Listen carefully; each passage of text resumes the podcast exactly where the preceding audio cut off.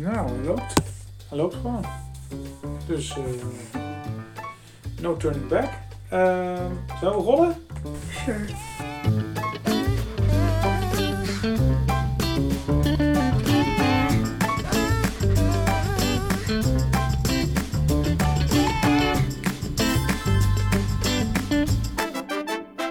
Ja, welkom allemaal bij eh, deze nieuwe aflevering van Geens, de podcast. Seizoen, ik denk 3, aflevering 1.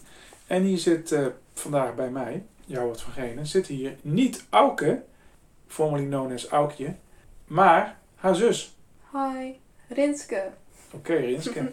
nou, leuk dat jij bij me bent. Eh, dit is eigenlijk een opdracht, podcast. Ja, Gelukkig hadden we al een podcastserie liggen waar je gewoon ingeplukt kan worden. Maar het is natuurlijk ook een eh, experiment. Leuk, we gaan een opdracht culturele activiteit 2022 verslag maken. Ik ben heel benieuwd eigenlijk. Uiteraard zit er ook nog een stukje bij wat op papier moet worden aangeleverd. Dus, eh, maar we gaan het hebben over eh, waar jij heen bent geweest. En ik ben wel heel erg benieuwd eigenlijk. eh, ja, waar ben je geweest? Ik ben naar Film by the Sea geweest. Film bij de Sea. Leuk. Dat is een filmfestival dat elk jaar in Vlissingen wordt gehouden. Ja, ik was er zelf bij. Ik was er zelf bij. ja, het was van 9 tot 18 september dit jaar. Ja. Was het de eerste keer dat je er was? Nee, vorig jaar gingen we er voor de eerste keer heen. Wat moet ik me erbij voorstellen bij zo'n filmfestival? Eh, het is een eh, soort van Cinemac bioscoop. Mhm.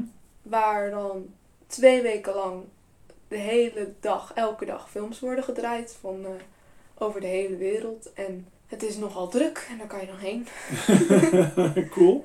Met, eh, ja, met wie ben je er geweest? Eh, met mijn hele familie, behalve Auke. Eh, dus mijn opa, want die is ook een filmliefhebber. En jij natuurlijk. Mhm. En mama. En Sibren. Eh, we sliepen in Vlissingen, vlakbij Film bij de Sea. Ja. En we gingen gewoon naar de film. Wat heb je, welke voorstelling hebben we, hebben we gezien? We gaan in deze podcast eigenlijk één film bespreken. Maar eh, ja, welk, wat heb je allemaal gezien? Eh, Nou, ik ben naar zeven films geweest. En we gingen allemaal naar verschillende films, omdat we niet allemaal hetzelfde leuk vinden. mhm. Maar ik had er zeven uitgekozen. En ik was er heel enthousiast over, want ze zagen er allemaal heel goed uit. Eh, ik had een Franse film, Was je ook mee. Ja, vrijdagavond. Vrijdagavond. Het ging over eh, een gehandicapte man die, en een uitvaarder meneer. Ja. eh, die samen op reis gingen. Comedy, was heel leuk. Ja, een beetje à la. Ja, een beetje alle enthousiast. Van dezelfde director, toch? Ik Of niet? dacht het niet. Even kijken, is dat van dezelfde Bernard Campan en Alexandre Jolien? Nee, volgens mij Oh, zijn nee. die, waren de... Nee, die eh, hadden het zelf geschreven Ze natuurlijk. hadden het zelf geschreven. Die Ja. gehandicapte man, ehm, die, die was ook een van de directors en de schrijvers. Ja, ja. ja. erg, erg leuk. En op zaterdag heb ik vier films gezien. Eh, Until Tomorrow was een Iraanse film over eh, een vrouw die een baby heeft. Die moet iemand vinden om die baby onderdak te geven voor de avond. Want de ouders weten niet dat ze een baby heeft en het is eigenlijk illegaal. Dus, eh, en ze kan de baby niet houden, want de ouders komen naar haar toe en zo. Dus het is een hele heftige film. eh, politieke, geladen film. Maar wel echt heel mooi gef- gefilmd. En Daarna, na de lunch, zijn we naar... Let It Be Morning. Dat was ook een speciale film. Ja, dat was een eh, Palestijns-Israëlische film. Ik ben er nog steeds niet over uit wat het nou... Welke gekozen? kant ze hebben gekozen van het conflict. Maar eh, het speelde zich af in Palestina, toch? Ja. Ja, in een dorpje waar mensen opeens achter moesten blijven omdat ze niet terug konden, van- omdat er opeens een muur rond het dorp stond na een bruiloft en eh, hoe je daarmee omgaat. Ja. Ja. Zo, ook heftig. Dat was sowieso op zaterdag allemaal heftige films. Nou, de Nou, volgende viel nou wel ja. mee. La Brigade. Dat was een film over een... eh, hoe noem je dat? Ze was een chefkok, hè? Ja, Eh, een Franse chefkok. eh, die ging eh, werken bij een opvang voor vluchtelingen. Ja, voor minderjarige asielzoekers. Ja. ze wilde eigenlijk als chef-kok ergens gaan werken. En toen En toen- werd, ze, ja. werd ze aangenomen als de soort, soort van kantinejuffrouw. Maar het restaurant van de, Ja. van de minderjarige asielopvang. Ja. Ja, en eerst was ze een beetje teleurgesteld, maar uiteindelijk eh, had ze heel veel lol om met de jongeren samen te koken en zo. En s'avonds zijn we naar andere films geweest. Ik was ehm, daar... ehm, oh nee, wij zijn Nee. samen toen samen Ja. ja, naar... Tori et Lokita. Ja, Toria Lokita. Weer een Franstalige film. Ja, eh, maar wel in België. In België, ja. En over twee immigranten, twee vluchtelingen uit Uit West-Afrika, Senegal. Senegal mij. was het? Ja, zo, ja West-Afrika. Die eh, moeten overleven terwijl eigenlijk ze onder druk worden gezet om geld terug te sturen door smokkelaars. En ze in een best wel onveilige situatie zitten. En het eindigt ook niet zo heel lekker af, maar Ja, het is... eh, wel echt een aanrader. Stond Ook hij is nu ook in Nederland uit. eh, Oh ja? ja, had vier sterren in de trouw, zag ik een paar weken geleden. Zondag, waar ging je heen? De enige blockbuster, ja. 3000 Years of Longing, pas om Ja. 12 uur. En dat was een interessante. dat was heftig, man. ja, het is het eh, verhaal, eigenlijk een soort van eh, Aladdin verhaal, maar dan anders. Ja, over een, eh, een genie in a bottle. Ja, Genie in the Bottle, inderdaad. Maar dan eh, modern. En Ja, een soort van raamachtige vertelling waarin steeds eh, terug wordt gegaan in de tijd. Die Ja. de historie van die, van die genie in de bottle laat zien. Hoe die daar is terechtgekomen in die bottle. En eh, je kan er veel van vinden. Ik zou zeggen, ga hem gewoon zien. Of hij komt vast op Netflix of op eh, HBO. ja, of- sowieso. ja, binnenkort. Ja, wel. Voor, de, voor de graphics Ja. moet je hem in de bioscoop zien. Ja, Maar hij is leuk genoeg om ook gewoon op je bank te kijken, denk ik. denk het ook wel. Dat iedereen er wel van kan genieten. Nou, dan kwamen we bij de laatste film. En daar gaan we het ook dadelijk eh, uitgebreid over hebben. Boiling Point. Wauw. Dat was vanaf het begin af aan al mijn favoriete film. Ja, daar Ik had je de hoogste, de hoogste, eh, Hoogste verwachtingen. verwachtingen bij. Ja. En ook het meest uitgekregen, denk ik. Ja, hey, maar überhaupt, wat was jouw ehm, verwachting van naar zo'n filmfestival gaan? Wat, wat dacht je van tevoren? Omdat we er al een keer waren geweest. Hmm. omdat we filmliefhebbers zijn, dacht ik, dit gaat super geweldig zijn. Super leuk. Wel een beetje stressvol, ook omdat ik één keer of twee keer met mijn opa alleen in de bioscoop zat. En dat had ik dan nooit gedaan, dus dat was een interessante ervaring. Ja. Maar daar, ehm, ja, ik dacht het wordt super leuk. Ja, mijn verwachtingen waren hoog. Ik dacht de kwaliteit van de films zal hoog zijn, want het zijn allemaal internationale films die Van festivals van komen. festivals ja. komen. Dus Prijzen hebben hoog gewonnen. geprezen eh, dingen. Maar en ja, ik denk dat dat ook wel eh, Is uitgekomen. is uitgekomen. Ja, nou, we gaan zo eventjes eh, dieper in op de film waar je het langer over wil hebben, namelijk Boiling Point. En ik dacht, laten we gewoon eventjes een klein stukje, de eerste minuut, eh, van de Trailer. trailer horen. I'm literally round the corner now. Hey, I'm round the corner, give me two seconds. Alright, trap, trap, trap, trap. I'm looking at. What's that say? Oh dear. It's a fucking joke, isn't it? And it's her first week, so it's my responsibility. It's not a first week in any fucking kitchen, though, is it? There's a million kids out there who would die for this fucking opportunity that you've been given. Instagram. Merry Christmas! Merry Christmas! Andy, it's time and time and fucking again. You're not doing Freeman, the orders. Freeman. man. I made a can't do my mistake. I work. didn't do them last night, did I? I'm sorry. I apologise.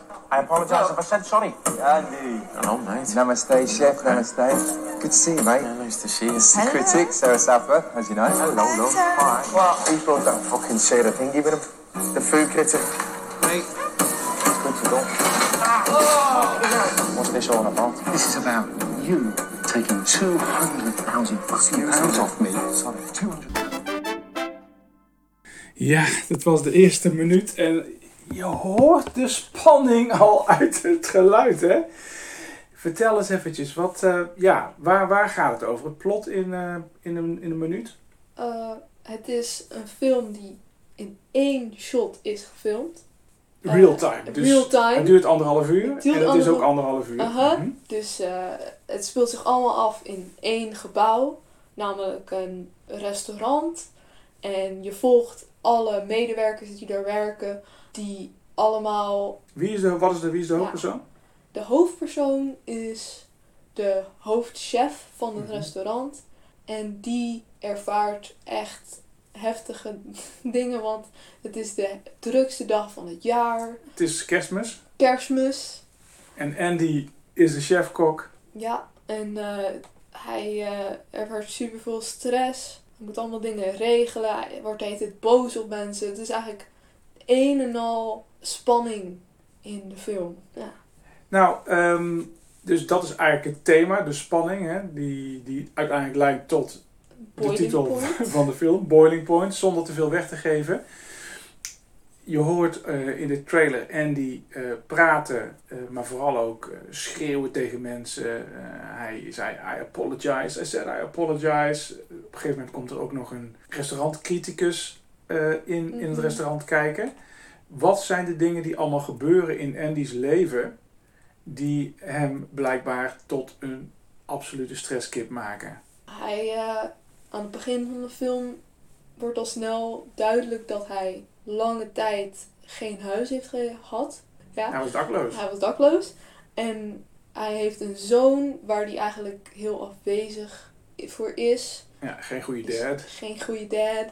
En hij heeft super veel stress van het restaurant runnen. En eh, ja, hij heeft ook nog allemaal medewerkers die promoties willen. En dan zegt hij dat hij dat gaat regelen. Maar dan regelt hij het niet met zijn baas. Ja, er is Dus ook nog een, allemaal dingen. de dochter van de eigenaar die runt de tent. Mhm. Dat is ook nog een hoofdpersoon. Daar heeft hij ook een bijzondere eh, band mee. Of ja. niet. Dus er zitten heel veel spanningen in.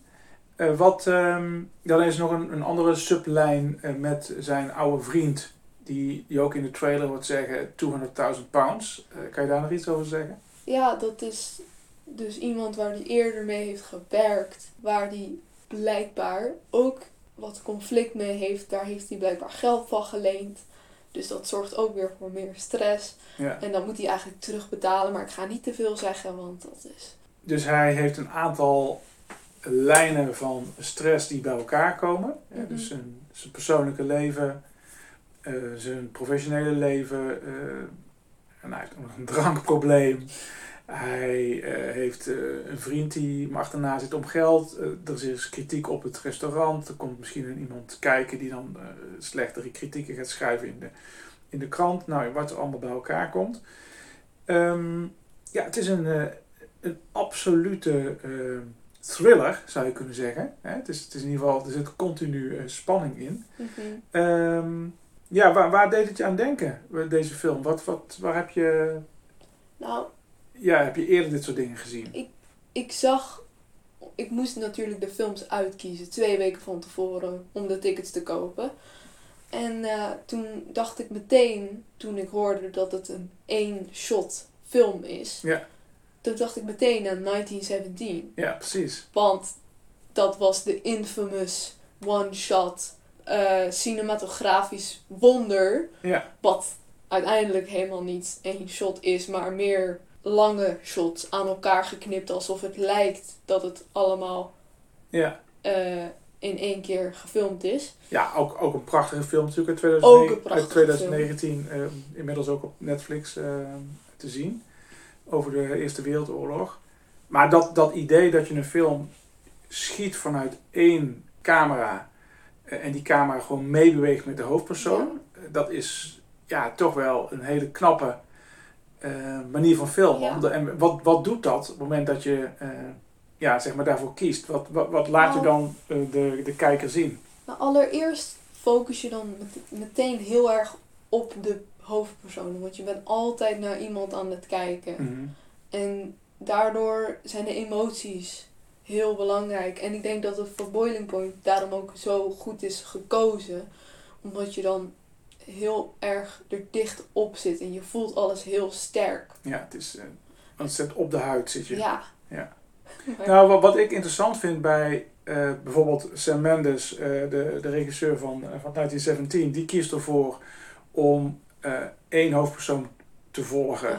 En op een gegeven moment maakt hij allerlei dingen mee, maar hij blijft in principe eh, bij eh, de hoofdpersoon. ja. Eh, terwijl in, ehm, in Boiling Point, Heb je eigenlijk je hebt, je hebt- tien Ja, Mm, Iets minder dan tien karakters die aan bod komen.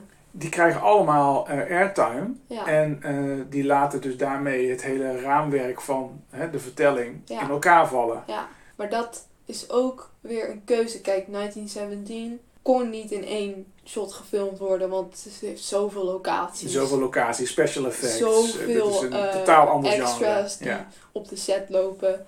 Maar bij, bij eh, Boiling Point is het één locatie, één restaurant. Een restaurant. En daar hebben ze ook voor gekozen, omdat het allemaal een combinatie van allemaal dingen is die op, in dat restaurant gebeuren. Nog steeds Dus super knap, hè? Want je loopt door het restaurant heen met een, met een camera op je schouder, achter de hoofdpersonen aan. Ja. En je ziet nergens lampen hangen. Je ziet nergens dat het een, Nee, eigenlijk een decor is. Dus eigenlijk een soort van ja, documentaire gevoel krijg je daardoor.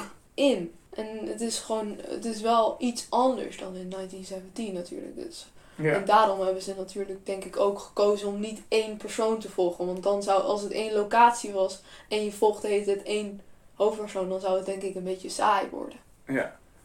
Dit blijft, de spanning blijft erin zitten. Ja. Nou, dus, dus meer, dat is meer cinematografisch. Eh, ja, waar het je aan deed denken, zijn er andere dingen die je thematisch, eh, waar het je aan deed denken? Nou, of misschien want- qua kleuren, qua karakters. Nou, sowieso deed het me ook denken aan La Brigade, de film die we de dag daarvoor hadden gekeken. Dat Ja. ook over een restaurant ging, maar dan heel anders. Namelijk geen spanning, maar meer, het is meer comedy. En het gaat over vreugde en echt leren koken en zo. Maar ook qua hele- karakterontwikkeling. Qua karakterontwikkeling, Bij La Brigade gaat het over een chefkok die eigenlijk een hele hoge verwachtingen heeft en zegt van ik wil de beste chefkok zijn. uh, En dan moet ik potverdorie opeens met asielzoekers eh, gaan werken eh, in de keuken. En, en uiteindelijk is dat waar ze haar levensvreugde uithaalt. Dus als, als, Ja. als, als mens ontwikkelt ze zich enorm. maar hij, de hoofdpersoon in Boiling Point, En die, die- werkt al Ja, in een hooggeprezen restaurant. Maar die wordt er eigenlijk heel verdrietig van. ja. Maar goed, ook hij gaat in die anderhalf uur, maakt hij wel een karakterontwikkeling door. Maakt hij een karakterontwikkeling? Ja. Ik, ik denk het wel. Ik bedoel, hij komt binnen eh, gestrest met zijn telefoon in zijn hand, eh, waarbij hij aan het praten is eh, met, zijn, Oh ja. Met zijn vriendin. Nu weet ik het. Ik was even vergeten wat er gebeurt. Maar natuurlijk, uiteindelijk... Ja, dat is een spoiler. Ja, ja. nou ja, maar je merkt wel dat ook hij maakt natuurlijk een, een karakterontwikkeling door. Dat hij eigenlijk aan, die, aan het einde van die anderhalf uur denkt, ja, mijn leven is gewoon, Ik ben er helemaal klaar mee. ik ben er gewoon helemaal klaar mee. Met dit. Hij, had, hij dacht van, I'm still top of the world. Ik, ik, ik ga het allemaal rechtzetten. Het gaat allemaal goed komen. Maar in die anderhalf uur... Uiteindelijk blijkt dat het niet gaat Niet lukken. echt.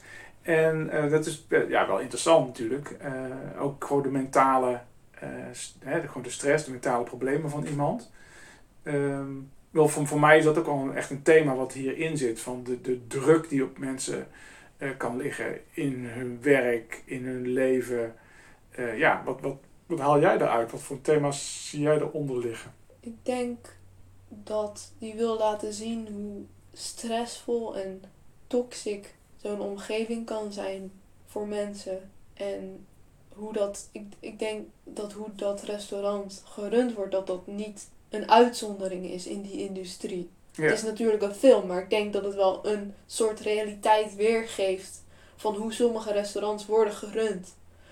Ik heb ook vrienden van vrienden die nu werken in Londen en die werken ook 12 uur per dag. Ja. En kunnen nauwelijks vrije tijd dingen doen en hebben super veel stress omdat ze gewoon bij alles worden afgekapt als ze een foutje maken en zo. ja, Dus ik denk dat, ze, dat de regisseur dat wel wilde weergeven. Dat dat die realiteit voor mensen, dat dat op groot publiek kan worden gezien. ja. En misschien is het ook wel een soort van metafoor voor andere eh, onderdelen van, eh, van de maatschappij of professionele omgevingen of Ja, zeg maar het zeker. leven zelf. Ja, Hè, Ik, ik denk dat bijvoorbeeld de creatieve industrie, hè, het maken van een film bijvoorbeeld, het maken van een toneelvoorstelling, eh, de mode-industrie, nou grote kunstprojecten waarbij de druk gigantisch hoog is, eh, mensen eigenlijk ja, continu boven hun kunnen moeten presteren om, eh, om maar er binnen te komen. Want je hoort hem in de trailer ook zeggen.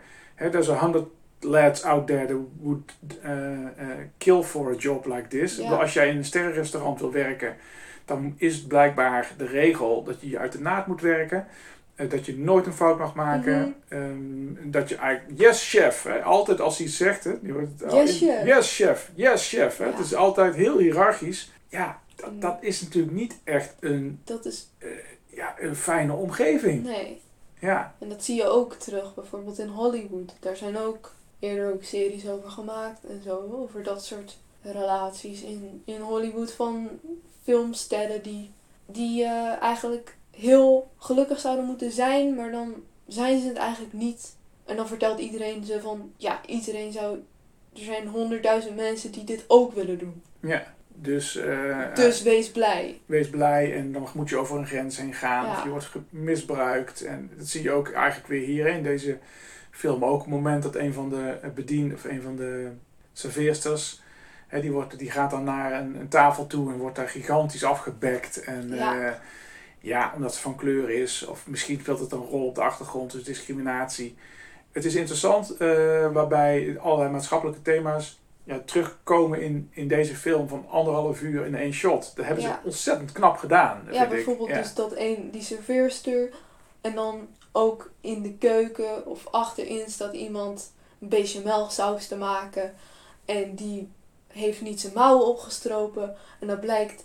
eh, en dan zegt de chef zo van, doe je mouwen, stroop je mouwen op, stroop je mouwen op. Maar dat doet hij dan niet. En dan eh, komt, da, komt er iemand achter dat die persoon zichzelf snijdt. Ja, dat hij mentale problemen heeft. Maar Maar ja, dat- dus dat dat, komt dat ook terug. Maar Ja. niet op een manier dat het daar alleen maar over gaat. Het laat het zien, Ja. maar het is niet Het is niet een heel dominant een heel thema, maar het is, dominant- ja. dominant thema inderdaad.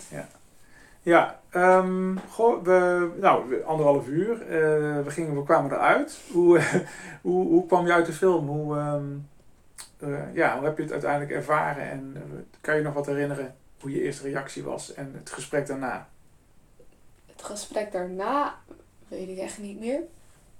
Maar, nou, ik weet nog wel dat toen we naar huis liepen, of naar ons Airbnb-gebouwtje, toen, eh, toen het eerste wat ik tegen mama en Sibren zei was van, jullie hebben echt wat gemist, jullie hebben echt wat gemist, want zij waren natuurlijk niet meegegaan. Ja.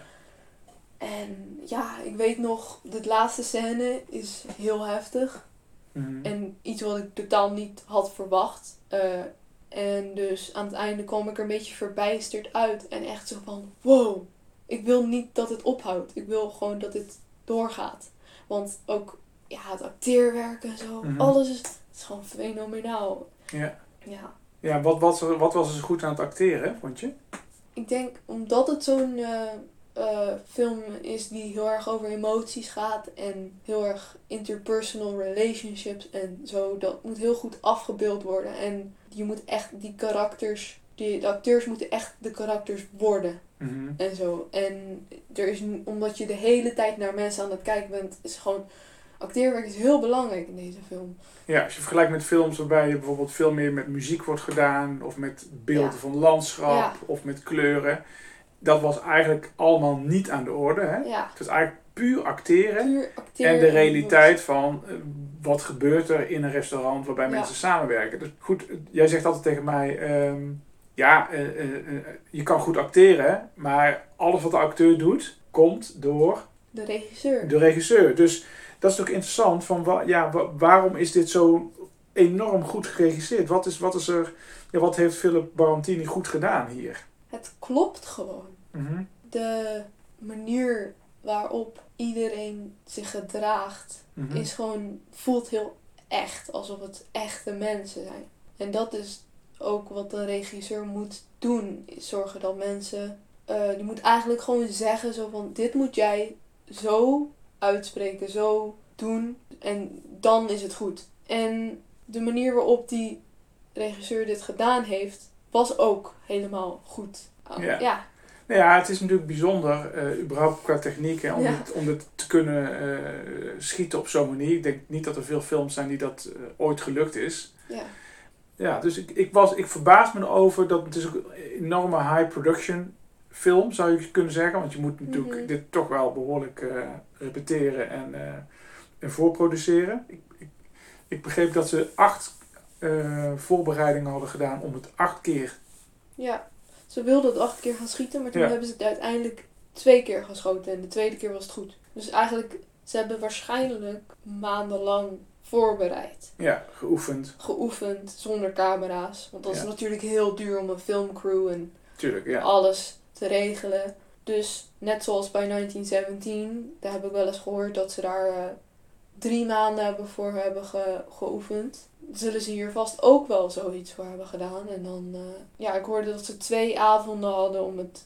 Ze hadden ze acht avonden dan Mhm. om het te filmen, maar ze hebben twee avonden gebruikt en de tweede keer was het goed. En dat is toch super impressive.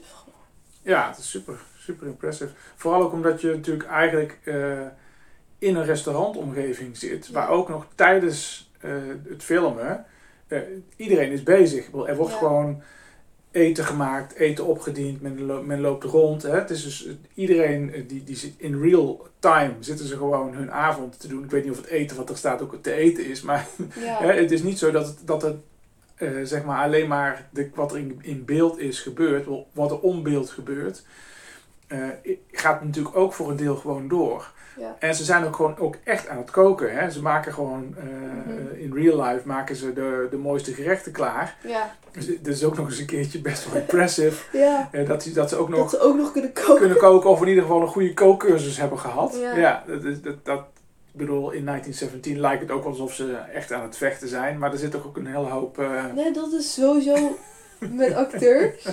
Ik heb ook, ik had een keer een film gekeken. Daar was een acteur die kan heel goed piano spelen. Maar daar had ik een interview van gekeken. En die, die acteur die had gewoon drie maanden of zo had hij heel, heel veel piano gespeeld. En Ja. toen kon hij kon die dat acteren alsof hij het heel goed kon. Maar eigenlijk kon hij helemaal geen piano spelen. Nee, precies. Het is vooral het, Ja. eh, het doen Dus- overkomen alsof je het heel goed kan. Dus acteurs die, die geven echt zoveel van hun leven op gewoon om goed te worden voor een, een rol. Maar eh, ook wa- waar ik ook altijd over na had gedacht, wat me ook een beetje verbijstert, is hoe de belichting en de set is gedaan. Met het feit dat ze niet echt ruimte hebben voor extra behind the scenes. Nee, er is geen voor- en achter de camera. Dus Nee. er hebt alleen maar gewoon het restaurant en alles is de set. Ja, Ja. ja, dat is heel En- bijzonder, want er zijn geen extra lampen te Ja, zien. Er zijn geen... terwijl het is allemaal heel goed gedaan. Ja, Nou ja, ik, ik, weet, ik ken niet zo goed de camera-techniek, maar ja, er er zal blijkbaar wel gewerkt zijn met een camera die heel eh, sensitief is. zal wel. En waarschijnlijk zit er ook wel heel veel post-production in. Ik bedoel, ze moeten natuurlijk digitaal wel kleuren aanpassen en zo om het uiteindelijk goed te laten lijken, denk ik. Maar je, het lijkt alsof je gewoon echt in een mooi, warm, eh, ook wel een enigszins donker restaurant zit. Echt Ja. een, een, ja, gewoon een sterren, of een, een, sterrenrestaurant is het, hè. Een, een be- beetje rommelig. Niet eh, super strak of zo. Nee. Maar, maar ja, wel voor en achter de camera bestaat die. Dus je loopt gewoon door het restaurant heen. Achter hun aan naar de keuken toe. eh, achter de bar. eh, naar de tafeltjes. Het is heel bijzonder eigenlijk.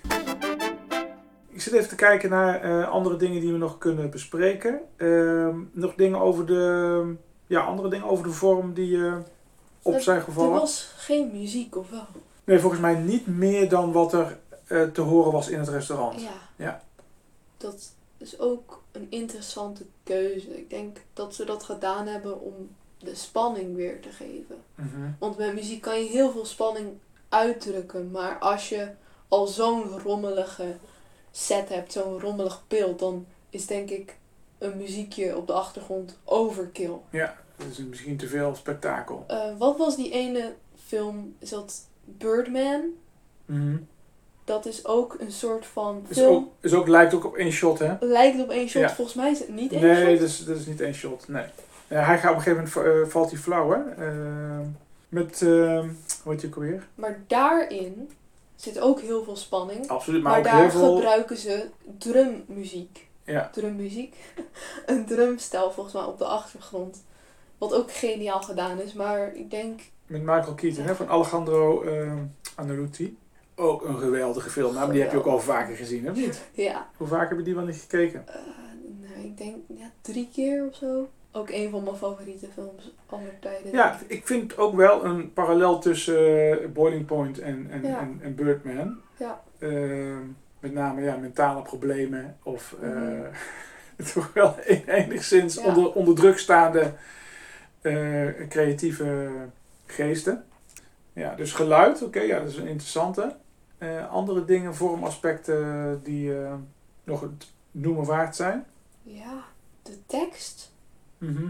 Dialogen. de dialogen zijn ook heel effectief. Want je hebt niet zoveel tijd voor elk karakter.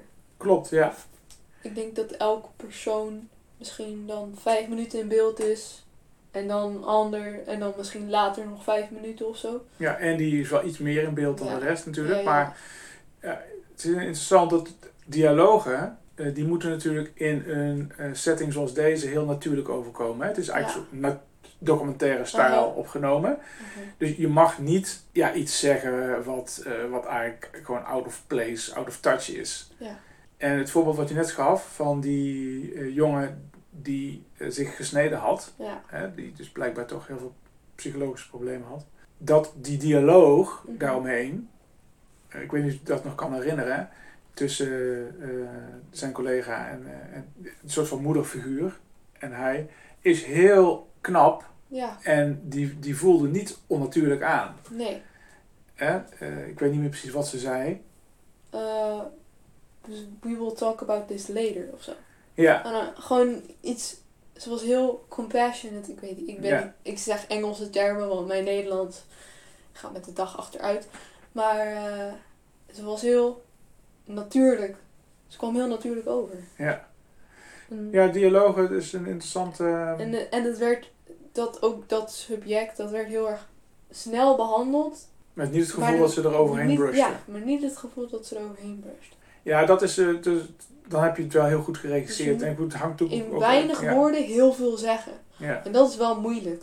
Ja, de screenplay eh, is van eh, Barantini en James Cummings, eh, zie ik op IMDb. Je kan je voorstellen dat het misschien ook een toneelstuk zou kunnen zijn. Ja, maar dan ja, is het waarschijnlijk wel lastiger om dit op toneel echt goed uit te voeren. Ja, dan zou je zo'n draaiend ding moeten hebben of zo. Meer, ik weet niet hoe je dat doet op het ton- toneel, maar dan Ja. heb je wel meerdere sets, zoals de keuken en dan het restaurant en zo. En, En maar goed, bij, bij toneelstukken moet je ook eigenlijk altijd hebben, mensen moeten hun toneelstem gebruiken. Anders dan draagt het niet ver genoeg. ja, Terwijl eh, Natuurlijk. hier heel veel eh, ja, kleine dialogen achter de bar. eh, bijna in je oor fluisterend. tussen twee mensen even in een hoekje. Hè, en de rest gaat gewoon door. An- die zitten op andere plekken.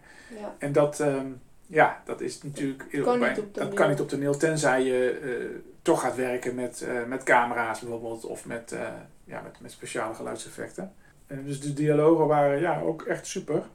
Eh, ja, andere dingen heb je het over, over gehad. Hè? Eh, de vorm, het, het thema, de set. Deze film was de laatste film van eh, Film by the Sea, van het hele festival. Ja. Maakt dat wat uit waar je mee afsluit?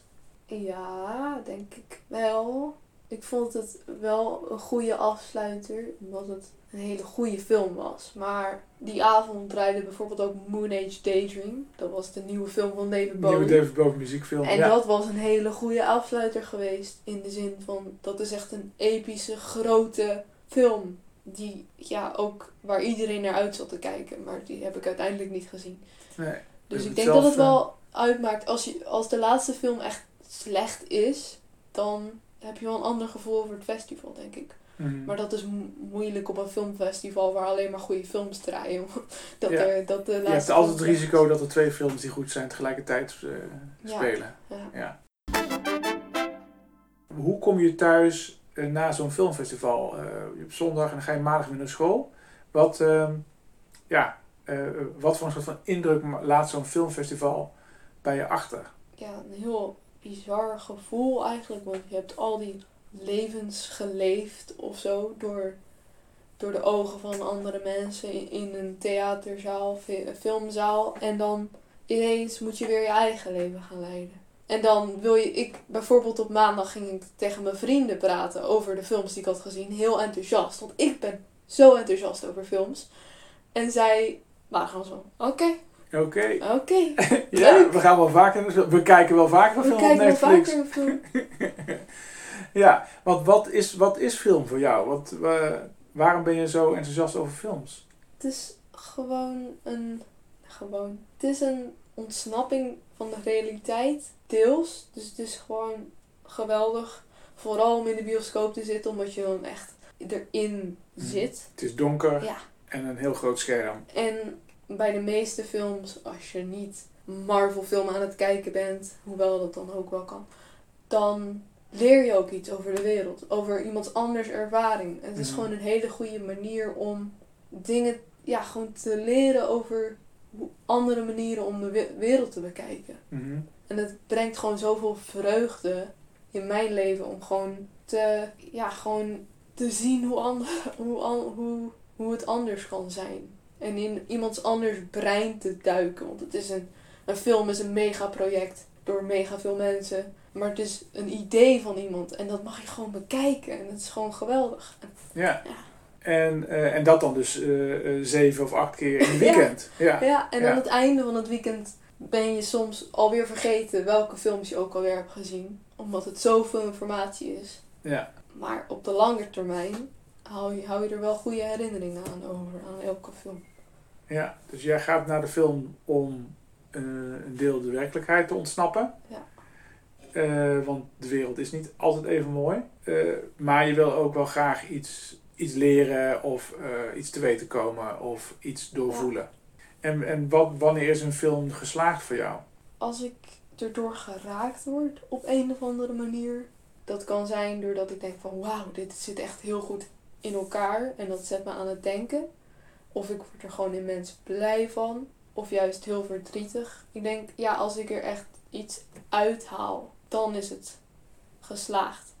Maar als ik thuis op de bank zit en ik kijk eh, op Netflix Costa met mijn broer, kan ik daar ook wel plezier uithalen. Maar dat is dan. Ik weet niet of ik dat dan geslaagd zou noemen. Eh, als je dan terugkijkt naar het filmfestival, wa- waren eh, alle films die je gezien hebt eh, in die zin geslaagd voor jou? Ja, dat denk ik wel. Ik denk mijn minst favoriet was denk ik Presk. Mhm. Want ik vond het een beetje. Een beetje corny of zo. Mhm. Het lag een beetje dik bovenop, hè? Ja. Net als bij Intouchable. Het is een hele mooie film, het is een hele grappige film. Het, het doet je ook wel wat. Ja, Maar het is ook wel een beetje corny, een beetje... eh, ja. ja. Feel good-achtig. Ja, veel goed. En dat is niet, niet, hoeft niet heel erg te zijn, want Nee. eh, eh, die films mogen er ook best zijn. Zeker als er ook nog wel een boodschap in zit. En dat zit er in deze denk ik ook wel, want deze film gaat eigenlijk over het feit dat je gewoon jezelf moet zijn met Mhm. al je beperkingen. Mhm. Eh, wat een boodschap die natuurlijk heel universeel is. Ehm, ja, tegelijkertijd, hij, hij, cinematografisch en eh, ja, verder filmisch was het niet een hele bijzondere film. Ik, mij stoorde de muziek heel erg bij deze film bijvoorbeeld. Er zat volgens mij echt te veel eh, Ja, muziek onder. Dat was. Ik weet niet meer of ik de muziek heel irritant vond. Maar Dus, hoeveel sterren geef jij Filmfestival bij de eh vijf uit vijf. Vijf uit vijf. Ja, ja nou. Ook mij al- ook. Mij. Ook al eh, geloof ik niet echt in ratings of sterren, maar vijf Jij, uit jij doet er niet aan, hè? Nee, ik doe er niet meer aan. Ehm, nou goed, dan maar dan toch ook nog de film Boiling Point. Wacht, ik heb nog wel één ding wat ik moet zeggen over de ervaring. Niet over de films, maar het filmfestival zelf. Erg, iets waar we ons allebei aan ergerden was op vrijdag en zaterdagavond was het super druk. En ze gingen in de bioscoop een concert houden, Ja, een bandje. een bandje. Ja. Maar je kwam binnen Fucking hell. en het eerste wat je zag was een podium en superveel mensen die daar stonden, maar er was nog geen muziek.